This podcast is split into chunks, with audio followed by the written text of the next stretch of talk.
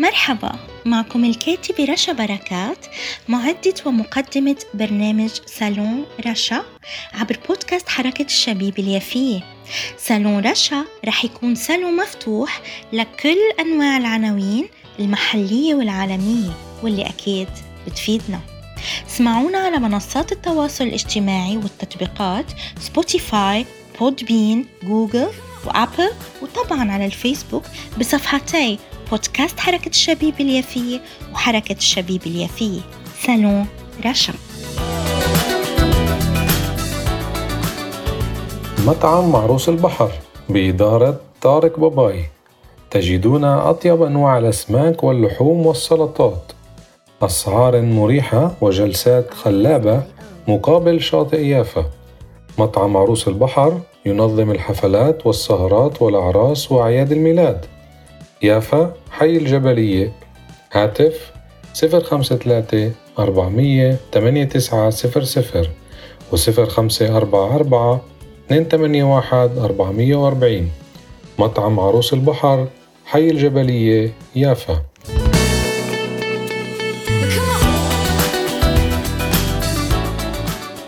أهلا وسهلا بكم أعزائي متابعي ومحبي. بودكاست حركة الشبيبة اليافية. بصالوني اليوم صالون رشا.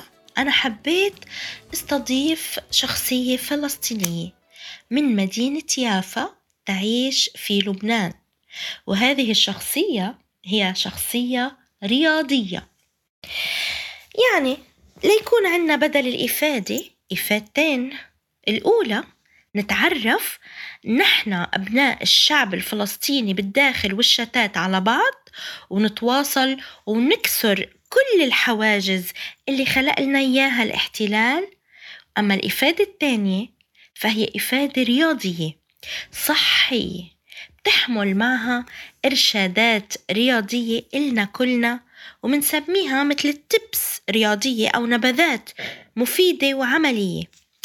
أهلا وسهلا بحضرتك المدربة الرياضية الفلسطينية ابنة يافا السيدة نهاد البسطامي. يا ريت تحكي لنا وتعرفينا على حضرتك وعلى ذاكرة يافا اللي بتحمليها معك من الأهل. وطبعا منسلم على كل مدينة وقرية بفلسطين بفلسطيننا.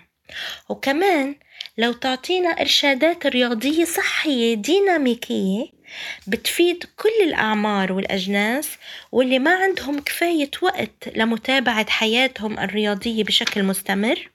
وكذلك للأمهات بالبيوت المشغولات دايما يعني. أهلا وسهلا بحضرتك كمان مرة بصالوني يا بلديات. حبيبتي رشا أهلا وسهلا فيكي. وشكرا على المقدمة الجميلة واللطيفة مثلك. ومن خلالك بحيي بودكاست حركات الشبيب اليافية. تحية لكم جميعا. بداية بحب أعرف عن حالي. أنا اسمي نهاد البسطامي فلسطينية. آه، أصولي من مدينة يافا من الرملة تحديدا. آه، ولدت بالسعودية وكبرت فيها. ودرست آه، تخصص علم الاجتماع بجامعة بيروت العربية. إضافة إلى تخصص الرياضي كمدرب لياقة بدنية وكمال أجسام حاليا. آه، طبعا موضوع الرياضة إجا عندي هواية حبيت أعززها ونميها عندي وصير حبب العالم فيها من خلال تعليمي لإلهم آه، بداية بدي أحكي عن مدينة يافا. طبعا أنا مدينة يافا للأسف ما زرتها. آه، بس طبعا أحمل ذاكرة جدا جميلة من خلال جدي وستي الله يرحمهم. آه، طبعا بداية كانت دايما تخبرني ستي عن آه، كيف تهجروا وكيف وقت النكبة بال 48 آه، إجوا على لبنان وكيف يعني ضلوا متمسكين بحق العودة ونقلوا هيدا الشيء لجيل أهلي لجيلنا نحن. حتى نحن يعني بننقله من جيل لجيل حق العودة وحبنا بفلسطين لفلسطين دايما بالقلب. آه، حتى لو نحن ما زرناها لبلادنا بضل عنا حب وتمسك فيها بشكل كتير كبير. آه، وطبعا بنضل على أمل أنه يوما ما نلتقي نحن جميعا كشعب فلسطيني آه، بالشتات نلتقي ببلادنا. إن شاء الله يا رب. آه كمان بدي أحكيكي عن مدينة يافا إنه هي قد إيه مدينة جميلة كانت تخبرني ستي عنها. آه كانت تقلي إنه هي معناتها الجميل أو المنظر الجميل وهي اسم على مسمى. آه ستي لأنه كانت آه عاشت طفلة هنيك يعني طلعت من فلسطين من يافا تحديدا. آه كانت واعية بعمر العشر سنين 11 سنة. فتحمل بذاكرتها الكثير ونقلتني ونقلته هيدا الشيء لإلنا. نحن طبعا لأولادها آه أمي وخالاتي وأبوي كمان وعمومي. ومن خلاله كمان انتقل لنا هيدي الذكريات الجميلة عن فلسطين. طبعا بدنا نحكي عن مدينة يافا. هي كموقع قد إيه هي موقع استراتيجي مهم آه، على مفترق ثلاث قارات آسيا وأفريقيا وأوروبا. وقد إيه هي آه، إحدى بوابات الفلسطين ومنائها من أقدم موانئ العالم. مدينة جدا مهمة وبيمر من خلالها آه، نهر اسمه نهر العوجة اللي بينتشر حواليه بساتين الحمضيات. اللي جدي كمان الله يرحمه كان يخبرنا دايما عن البيارات اللي عنا إياها بيارات البرتقال اللي نتمنى يوما ما أنه نتذوقه. آه وطبعا أنت عندك كتاب عنه رشا إن شاء الله رح أقرأه قريبا. وبتشكرك كتير على إهدائك للكتاب. لإلي شكرا كتير حبيبتي. وطبعا عم نحكي عن البرتقال اليافاوي اللي يعد من أشهر آه، آه، البرتقال. انتشر كتير بالعالم لأنه كانوا يصدروه دايما لكل دول العالم وقديش هو كان تبادل تجاري مهم. وطبعا غير الزراعة كمان اشتهرت مدينة يافا بالصناعة وكمان آه، عندك صناعات كانت البلاط والأرميد وصب الحديد وكمان المنسوجات الثوب اليافاوي اللي كتير بنفتخر فيه واللي كتير يعد من أفخم الأتواب وأدق بالتصاميم. ولما إجوا يدرسوا رسومات التطريز على الثوب الفلسطيني راح لاحظوا آه إنه وحدات الزخرفية كانت محاطة باكثر الأوقات برسومات لشجر اسمه شجر السرور. اللي تماما كانت أشجار السرور تحيط ببيارات البرتقال فكانت ست تحب تلبسه بكل المناسبات.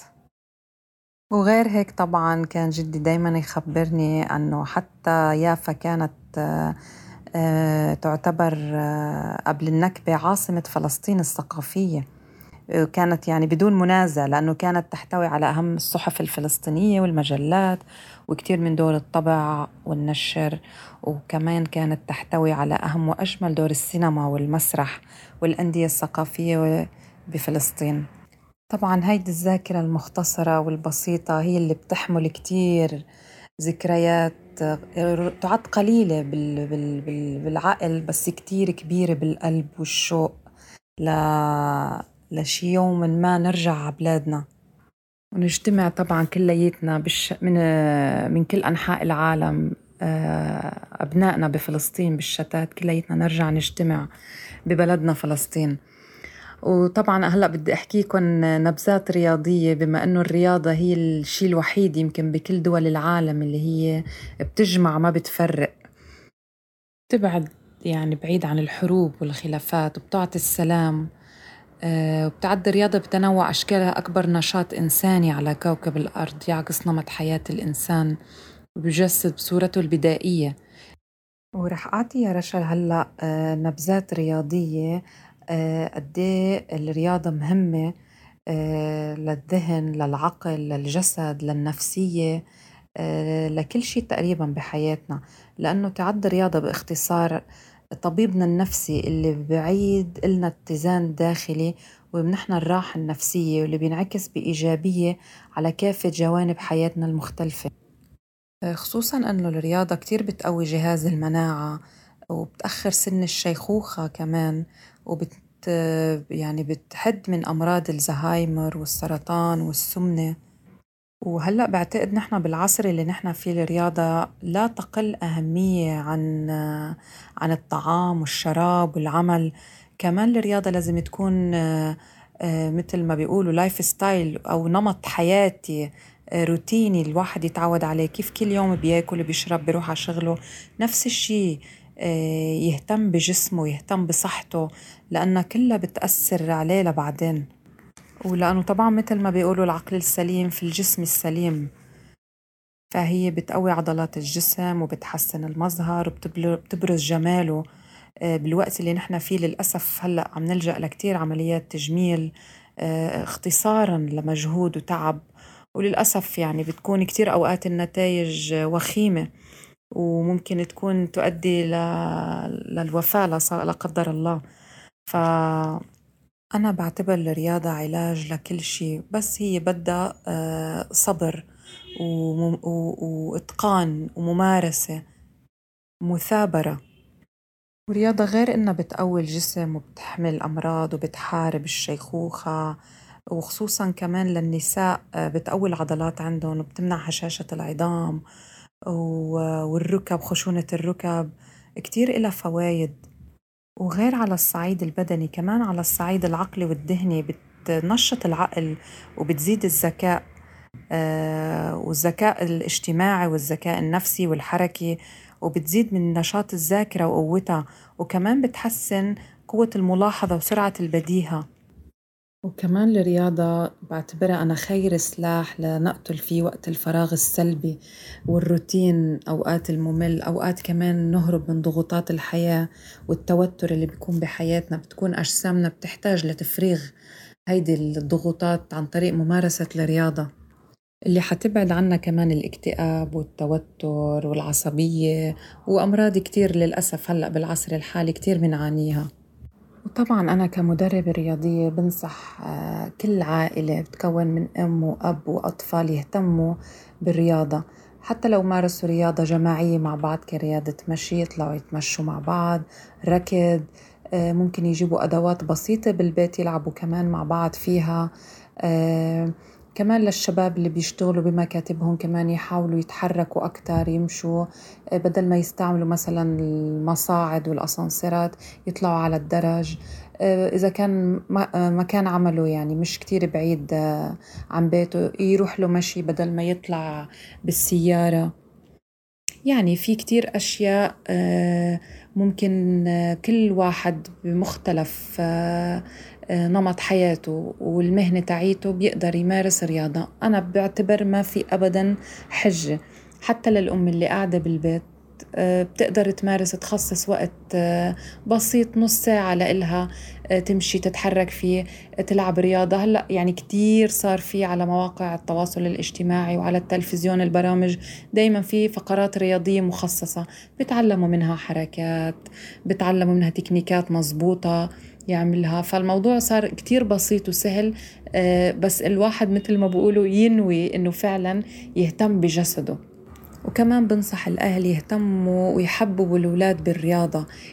يسجلوهم نشاطات رياضية هلأ خصوصا بموضوع فصل الصيف آه، أي نشاط رياضي بحبوا يعني يحاولوا قد ما بيقدروا يوجهوهم ويكتشفوا شو عندهم مواهب رياضية.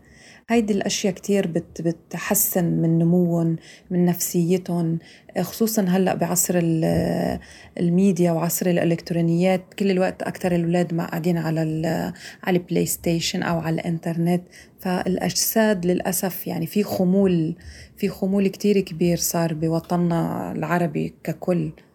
فبتمنى يكونوا الأهل واعيين لهيدا الشيء ويهتموا بأطفالهم وينموا الرياضة عندهم ويحببوهم فيها. حتى لو كانت بأشياء بسيطة مثلا مثل النط على الحبل مثل الركض مثل لعب الفوتبول آه، مثل ألعاب مثلا آه، الراكات التنس أي ألعاب ممكن تنشرى بمبالغ بسيطة بس تنمي المواهب عند الأطفال ويتحركوا فيها. وبالنهاية بحب أتشكرك رشا على استضافتك لإلي وبحب بحيي كل أهلنا بفلسطين آه، قرية قرية منطقة منطقة بالقدس بحيفا بيافا بالخليل ببيت لحم بالناصرة بنابلس بغزة العزة صفد بئر السبع أريحة.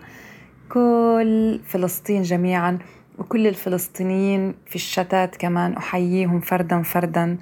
وشكرا كتير إلك رشا. ويعطيكي ألف عافية. وأهلا وسهلا بحضرتك بلدياتنا. المدربة الرياضية السيدة نهاد بسطامي الفلسطينية اليافوية واللي بتعيش بلبنان. طبعا أنا حاب أشير للمتابعين أنه السيدة نهاد بسطامي هي كمان مدربتي الرياضية الخاصة. وشو حلوة فكرة أنه اليافويات التقوا. حتى وهني بالشتات. وهيدا بحد ذاته رسالة ربانية. إلنا لتقويلنا عزيمتنا وتقولنا مهما فرقكم أهل العدا الرب الرحمن بجلالته بيجمعكم. وبدوري كمان بسلم على أهالينا الفلسطينيين من كل مدينة وقرية والصحراء وبكل الانتماءات والأعمار وما مننسى كمان الديموغرافيا الفلسطينية بأهالينا الأرمن الفلسطينيين واللي كمان عم يعانوا بالبلاد ويواجهوا سياسة العنصرية والتمادي بموضوع الأملاك. وشكرا على التبس أو النصائح الرياضية الصغيرة بالشكل الديناميكي لحتى نستفيد منها جميعا كبار وصغار نساء أمهات رجال. وحبيت كتير إني خصص حلقة رياضية بصالوني وتكون ضيفتي مدربتي الخاصة اليافوية شرفتي صالوني عزيزتي السيدة أو الكوتش نهاد البسطامي. وبدوري بوجه تحيتي للوالد والوالدة وكل عائلتك الكريمة وزوجك وأولادك وبتمنى إلنا جميعا إنه نرجع ونعمر ونحيي من جديد تاريخنا وثقافتنا ونزرع بياراتنا. بلقاكم أعزائي المتابعين بحلقة جديدة من صالوني صالون رشا. اسمعونا على منصات التواصل الاجتماعي والتطبيقات مثل Spotify Podbean Google Apple والفيسبوك بصفحتي حركة الشبيبة اليافية وبودكاست حركة الشبيبة اليافية. سالون رشا.